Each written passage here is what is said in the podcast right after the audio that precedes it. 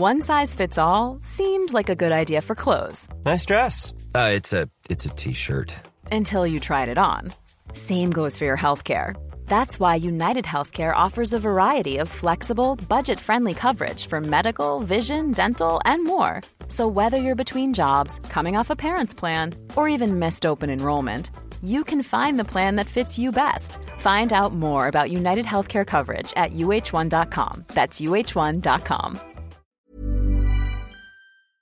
Halo ganteng-ganteng masyarakat pendengar, uh, baik lagi bersama kita berdua di GG Podcast. Dan pada kesempatan kali ini gue mau buka uh, dengan sebuah ungkapan emosi yang setelah mungkin pasca kepergian Sir Alex tahun 2013-14, uh, gue akhirnya somehow kemarin merasa kembali menjadi fans MU gitu kan. Dan gue pengen nanya ke lu, apakah ini ya rasanya menjadi fans MU di era tahun 2000-an awal, Vin? Udah lupa sih sejujurnya gitu karena udah terlalu lama di momen-momen yang tidak dapat diprediksi gitu hasilnya permainannya gitu dan sering juga diputar balikan ya moodnya gitu. Mhm, iya, dan juga ngomongin masalah starter ya, nggak ada yang beda dari pertandingan terakhir pas kita ngelawan Arsenal, uh, meskipun beda manajer tapi pendekatan formasinya sama.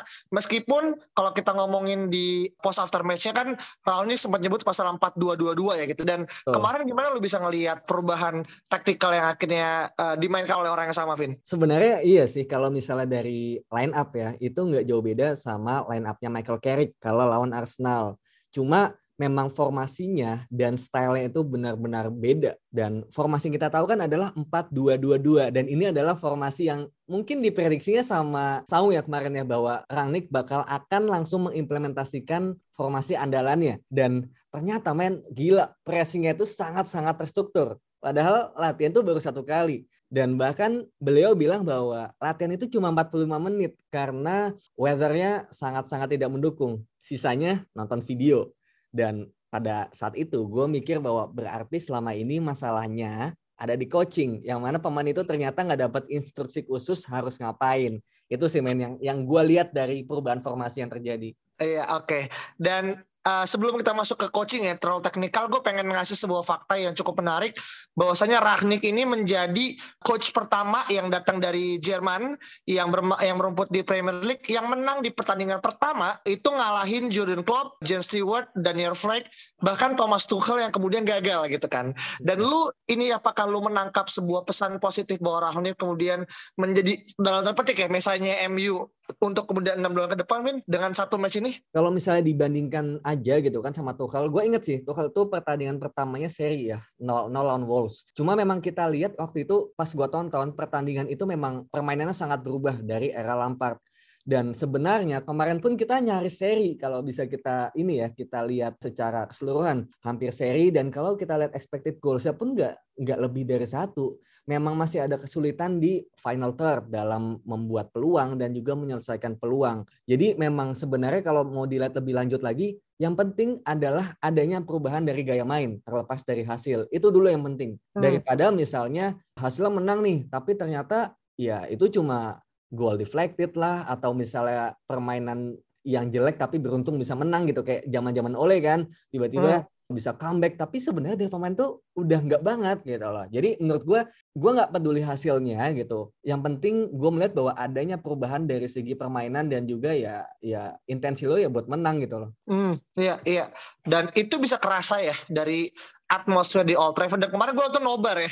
Jadi benar-benar kerasa banget betapa hype pendukung MU gitu kan. Ketika nobar tuh kerasa banget ketika di bawahnya Rahni gitu. Dan gue tinggal menunggu para pendukung MU nih mancunian membuat sebuah yel-yel gitu kan.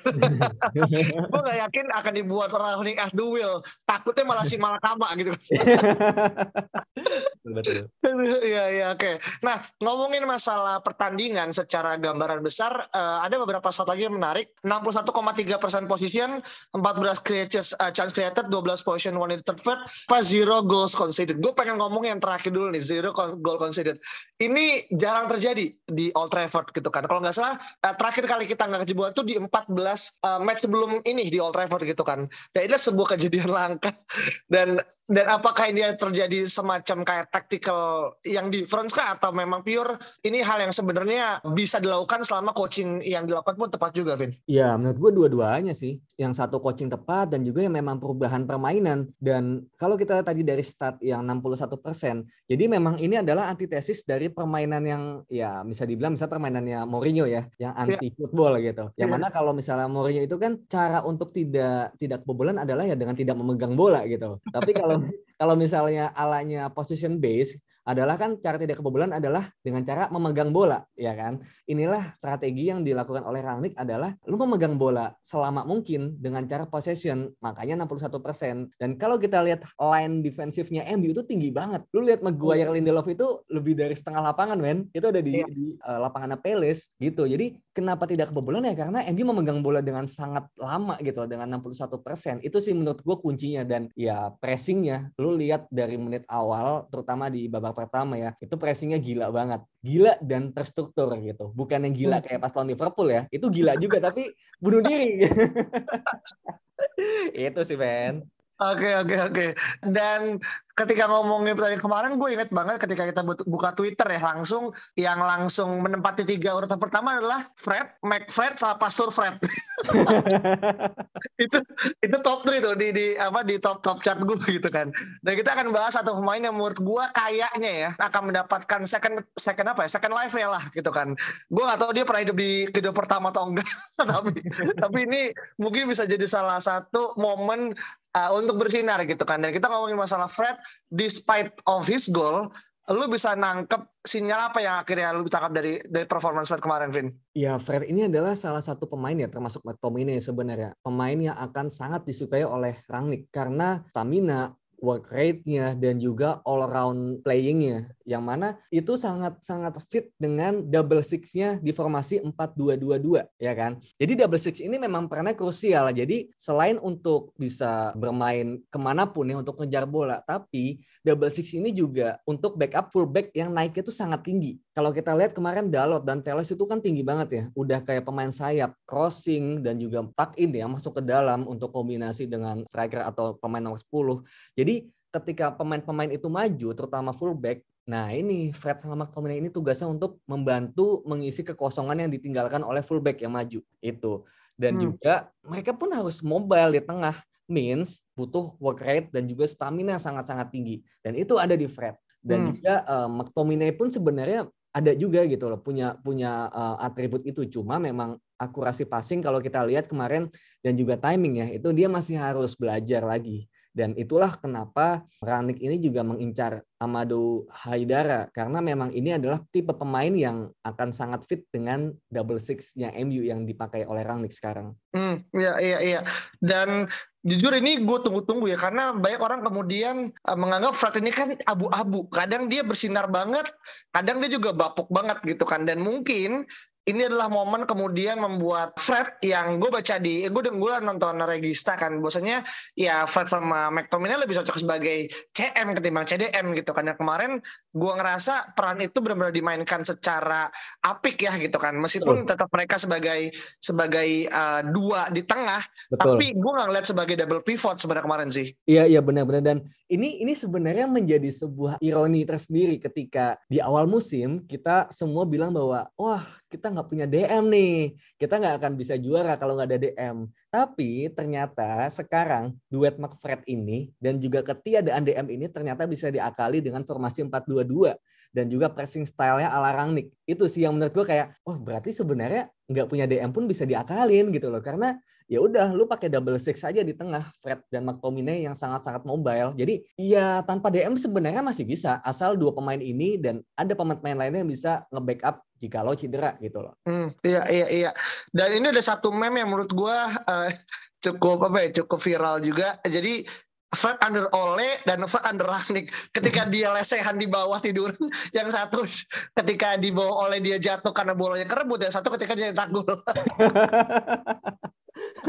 Iya, itu gue lihat itu. Iya, iya. Menurut gue ini benar-benar uh, apa ya kehidupan tuh berganti segitu cepat gitu kan. Dan gue rasa, ya makanya gue bilang satu wajib untuk kemudian apa ya? Ya menurut gue ini this is the time gitu kan. Dan yang gue suka adalah kalau lu perhatiin setelah kemenangan MU kemarin, Pogba langsung ngepost really waiting for the comeback stronger gitu kan. Nah, lu menangkap pesan apa Vin dari dari postingan Pogba dengan melihat kemarin match kemarin Vin? Um, jujur gue nggak lihat sih postingannya. Cuma okay. kalau misalnya lu bilang gitu, berarti memang pemain-pemain seperti Pogba ini juga udah lost confidence dan juga lost trust gitu loh kepada pelatih sebelumnya yaitu Ole. Mungkin dari ah. segi taktikal ya atau dari segi membawa tim ini ke tangga juara gitu. Tangga yang seharusnya mereka udah level yang udah harusnya mereka capai gitu loh. Dengan pemain-pemain yang ada, source yang ada, kualitas yang ada itu harusnya bisa. Dan inilah yang menurut gua bisa ngeboost Pogba untuk bermain lebih baik lagi. Karena Pogba ini sangat dibutuhkan sebenarnya untuk di posisi double, lagi-lagi ya tadi kita punya double six, sekarang kita punya double playmaker. Kalau kita lihat kemarin ada Bruno dan Sancho dan bayangkan, lu bayangin aja kalau Bruno ini kecapean diganti sama Pogba men. Jadi kayak hmm. ya sama-sama bagus gitu. Iya. Iya kan? Terus nanti Sancho misalnya kecapean, lu ganti sama Van de Beek, sama-sama bagus juga gitu. Jadi memang formasi 4-2-2-2 ini formasinya sangat balance dan jika benar-benar misalnya Rangnick itu bisa mengimplementasikan idenya dan juga mendapatkan trust dari seluruh pemain dan hmm. kemudian misalnya Pogba ini mau perpanjang kontrak at least mungkin dua atau tiga tahun. Menurut gue itu benar-benar tanpa celah sih MU ini hampir hmm. tanpa celah. Lu bayangin dulu yang Bruno kecapean dan gak ada gantinya, sekarang lu ganti sama Pogba gitu loh. Anjir, sama-sama bagus gitu. Jadi keren sih ini kalau benar-benar Pogba bakal comeback dan Rangnick ini bisa bikin Pogba itu mau pressing dan juga rajin ya. Itu itu itu MU benar-benar ya hmm. ya mungkin kata Saung ya treble pun nggak mustahil gitu. Aduh, gue udah mulai malas kalau dengar-dengar kata optimis. Oke oke oke. Dan dan bener ya dan menurut gue satu pemain yang kemarin cukup underrated adalah Diogo Dalo gitu kan. Dan ini gue nemu satu buah thread di Twitter menurut gue bisa jadi salah satu uh, bahan apa ya pecutan buat Dalo juga. Karena gini AWB strength itu adalah defense Dalo strength adalah uh, offense. Ragnick style adalah offensive football. Di bawahnya tulis Trent Alexander Trent Alexander Arnold TA itu nggak bagus dalam defending, tapi sistemnya Klopp yang membuat offensive football ngebuat kelemahannya Trent itu nggak kelihatan gitu. Dan ini akan dilakukan sama Ahli juga dengan Dalo. Lu setuju nggak dengan hal tersebut? Setuju banget, setuju banget. Dan makanya kenapa Trent Alexander Arnold ini agak struggle ya di timnas Inggris. Karena ya memang sistem yang digunakan Inggris dan klub ini beda. Kan itu itu itu sebuah hal yang udah kita uh, mungkin banyak juga pandit-pandit dan analis-analis taktik sepak bola itu sering bicarakan bahwa kalau Alexander Arnold ini maju, itu nanti CM kanannya yaitu entah mungkin Henderson atau Nabi Keita atau mungkin Oxley Chamberlain itu akan ngebantu backup tuh sisi kanan yang kosong. Dan ini kan persis sama yang tadi juga gue bilang, kalau Dalot ini maju, nah nanti nih Scott ini bakal nge-backup untuk untuk posisi kanan ini gitu loh. Jadi Dalot maju pun nggak akan ada masalah. Itu itu menurut gue. Jadi Dalot ini seperti yang kita juga pernah bahas ya di grup chat bahwa Dalot dan Teles ini akan menjadi good addition dan juga pemain-pemainnya akan akan sangat improve di bawah Rangnick dibandingkan mungkin kayak Wan Bisaka. Kalau Shaw mungkin masih bisa ya, tapi kalau Wan Bisaka menurut gua akan sangat-sangat struggle dan hopefully Wan Bisaka bisa belajar banyak dari Dalot dan sisi ofensifnya bisa dilatih lagi oleh Rangnick supaya bisa selevel Dalot. Hmm, iya iya iya benar benar benar dan uh, baik lagi banyak hal-hal yang mungkin nggak akan terduga gitu kan. Bisa jadi kita ngeliat Martial reborn gitu kan.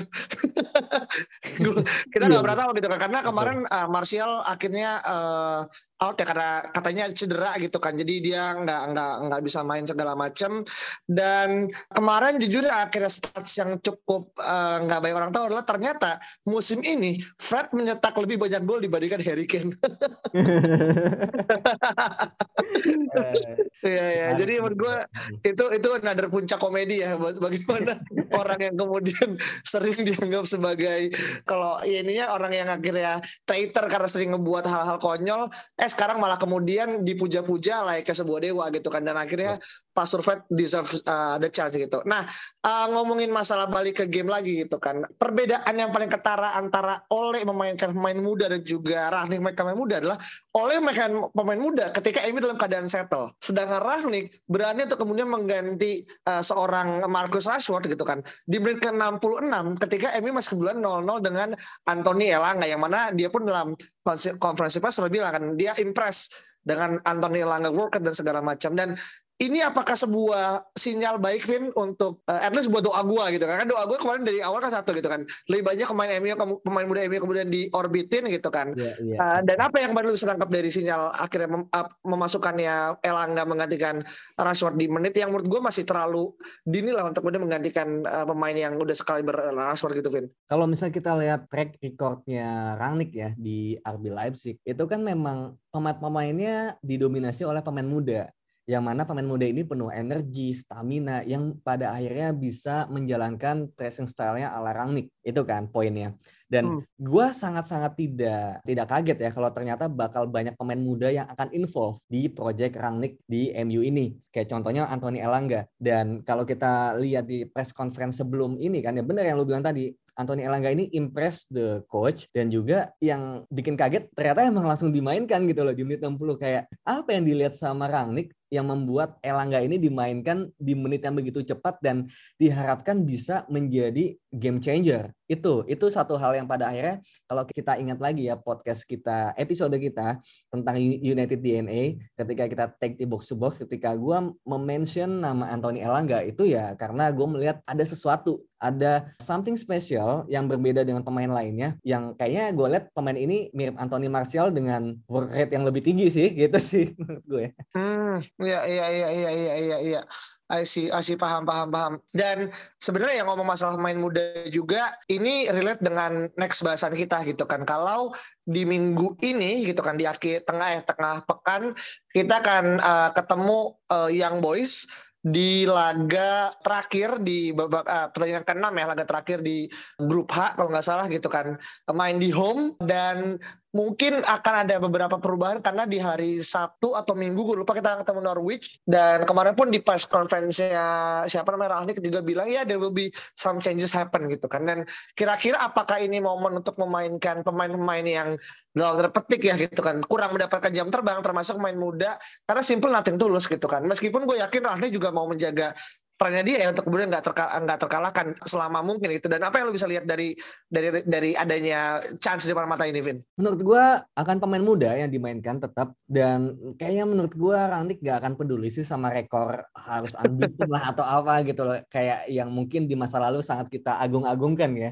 Karena unbeaten tanpa sebuah konsistensi ya percuma gitu loh. Konsistensi permainan ya maksud gue bukan konsistensi hasil. Karena jika permainan itu stabil ya hasil akan mengikuti. Dan pemain-pemain muda seperti dan cadangan sih terutama kayak misalnya Donny van de Beek, kemudian Jesse Lingard dan sama gue yakin Elangga akan bermain dari awal dan hopefully kita akan melihat Hannibal Matchbury dan juga Teden Mengi mungkin ya akan ada di bench at least karena hmm. Phil Jones ini udah nggak bisa main karena nggak didaftarin di awal musim sih. Jadi menurut gua akan cukup exciting melihat midweek ini kita melihat match yang sepertinya kita akan melihat justifikasi apakah Rangnick ini memang ya bermain dengan sebuah sistem yang yang sangat-sangat bagus gitu. Yang kalau kita hmm. lihat di pelatih sebelumnya kan ya kualitas pemain yang lebih diandalkan. Tapi kalau ini kita lihat sebuah sistem. Kita lihat apakah pressing ini akan bisa juga diimplementasikan oleh pemain-pemain muda dan pemain-pemain cadangan MU. Itu sih yang cukup menarik untuk dilihat. Iya, iya, iya. Dan kita tahulah betapa pas zaman Bill Leipzig dia kita udah bahas gitu kan. Bahkan sekelas Smithrow pun ditemukan talentanya di arah ini pun juga membantu ya dalam proses pendewasaan sampai dengan sekarang gitu kan. Dan ya, ya. mengingat kita pun juga punya banyak talenta gitu kan yang mana somehow menurut gua overhype oleh dengan pemain muda nih perlu untuk kemudian uh, disadarkan gitu kan uh, untuk kemudian bahwasanya ya lu giving chance pemain muda itu bukan ketika kondisi tim lagi udah stabil gitu kan. Karena menurut itu ya just follow the system aja. Dan kadang kalau misalnya kita udah menang, tendensi untuk kemudian lebih banyak keeping the ball tuh jauh lebih tinggi gitu kan. Sedangkan yeah. main muda lebih pengen tuh kemudian mereka agresif apa apa progresif uh, passing segala macam gitu. Karena ini menurut gua satu hal yang akhirnya menjadi momen uh, penting buat uh, pemain muda MU dan semoga mereka bisa memanfaatkan peluang dengan benar gitu kan. Nah, mungkin uh, terakhir nih Vin terkait dengan pertandingan uh, besok gitu kan terkait dengan prediksi yang akan lu bisa sampaikan kira-kira apa yang akan terjadi secara secara uh, game uh, untuk besok Vin? Kalau misalnya prediksi, um, gue masih berharap mungkin menang ya gitu kan dengan pemain-pemain cadangan dan juga dengan youth player. Gue harap memang Rangnick berhasil mengimplementasikan sistemnya juga untuk pemain-pemain muda dan kalau misalnya itu berhasil kan berarti tandanya memang ide ini diterima oleh kasarnya kalangan usia gitu, yang experience bisa, yang middle age juga bisa, yang peak juga bisa, bahkan pemain muda pun bisa gitu loh. Jadi dan ini sama gue pikir bakal bagus juga untuk youth academy kita yang mana kalau misalnya sistem ini berhasil dan juga diterapkan dari dari akademi ya mungkin akademi tim kita U18 U23 hmm. akan lebih berjaya lagi itu sih. Hmm. poinnya poinnya adalah sebenarnya gue nggak terlalu mikirin hasil dulu. Tapi yang penting filosofi permainan yang baru ini semoga bisa diterapkan dengan baik. Itu sih. Dan juga uh, mungkin gue mau ngomong dikit ya tentang kayak ya tadi ya ada sistemnya rangnick sistem pressing. Ternyata ada satu hal yang menarik yaitu Ronaldo. Ronaldo yang selama ini kita bahas dia nggak pressing, dia adalah sebuah masalah. Bahkan gue pun bilang begitu ya. Ternyata kemarin Rangnick berhasil menemukan cara gimana caranya Ronaldo ini bisa fit dalam pressing sistemnya Rangnick tanpa harus pressing. Itu tuh menarik banget men. Karena ternyata Ronaldo itu cukup menutup akses akses passing pemain Peles ke tengah gitu. Jadi kayak Ronaldo ini adalah memaksa pemain back ini untuk passing ke sayap. Dan ketika passing ke sayap itu udah dihajar sama Teles itu. Jadi kayak kayak Ronaldo ini memasang jebakan di sayap dan pas udah di sayap pemainnya dijebak dan akhirnya direbut lagi bolanya gitu loh. Jadi ternyata memang pelatih yang bagus itu ya bisa memanfaatkan segala kapasitas pemainnya. Ya seperti yang gue bilang, bisa memanfaatkan kelebihan pemain dan menutupi kelemahan pemain itu. Dan Ronaldo ya kelemahannya di pressing ya nggak apa-apa lu nggak bisa pressing nggak apa-apa tapi gue bakal bikin sebuah sistem di mana lu nggak perlu pressing tapi sistem tetap akan berjalan itu menurut gue kehebatan hmm. dari uh, Ralph Rangnick. Hmm, iya iya iya dan semoga tren ini terus berlanjut gitu kan karena menurut gue ngomongin masalah Liga Champion uh, masih terbuka lebar dan masih menunggu terkait dengan siapa yang akan menjadi lawan dari MU. I think di minggu ini kayaknya udah bisa sih kayaknya ya setahu gue ya gitu kan. Dan kita akan bisa kemudian bahas seberapa jauh langkahnya Rangnick dengan uh, MU di Liga Champion tuh menurut gue di di di minggu ini gitu karena uh, jujur uh, tergantung dari undian gitu kan karena yeah. banyak tim yang kemudian di tim bagus tapi di dua satu pot yang sama dan gue tuh cukup disgusting juga sih buat buat MU juga gitu kan lo ketemu Juventus atau lo ketemu Barca juga di 16 besar bisa jadi batu sandungan juga terlepas mereka lagi lagi down gitu kan. So kita menunggu terkait dengan apa yang akan terjadi di undian karena most likely pertandingan lawan uh, Young Boys nggak akan untuk apa pun kita kalah 99-0 pun nggak akan ngebuat uh, kita ter apa keluar dari zona 16 besar. Dan itu aja terkait dengan bahasan uh, kita pada uh, kali ini. Jangan lupa nantiin podcast podcast episode berikutnya dan sampai jumpa di pertemuan berikutnya dan bye bye Mom deserves the best, and there's no better place to shop for Mother's Day than Whole Foods Market. They're your destination for unbeatable savings, from premium gifts to show-stopping flowers and irresistible desserts. Start by saving 33% with Prime on all body care and candles. Then get a 15-stem bunch of tulips for just $9.99 each with Prime. Round out Mom's menu with festive rosé, irresistible berry chantilly cake, and more special treats. Come celebrate Mother's Day at Whole Foods Market.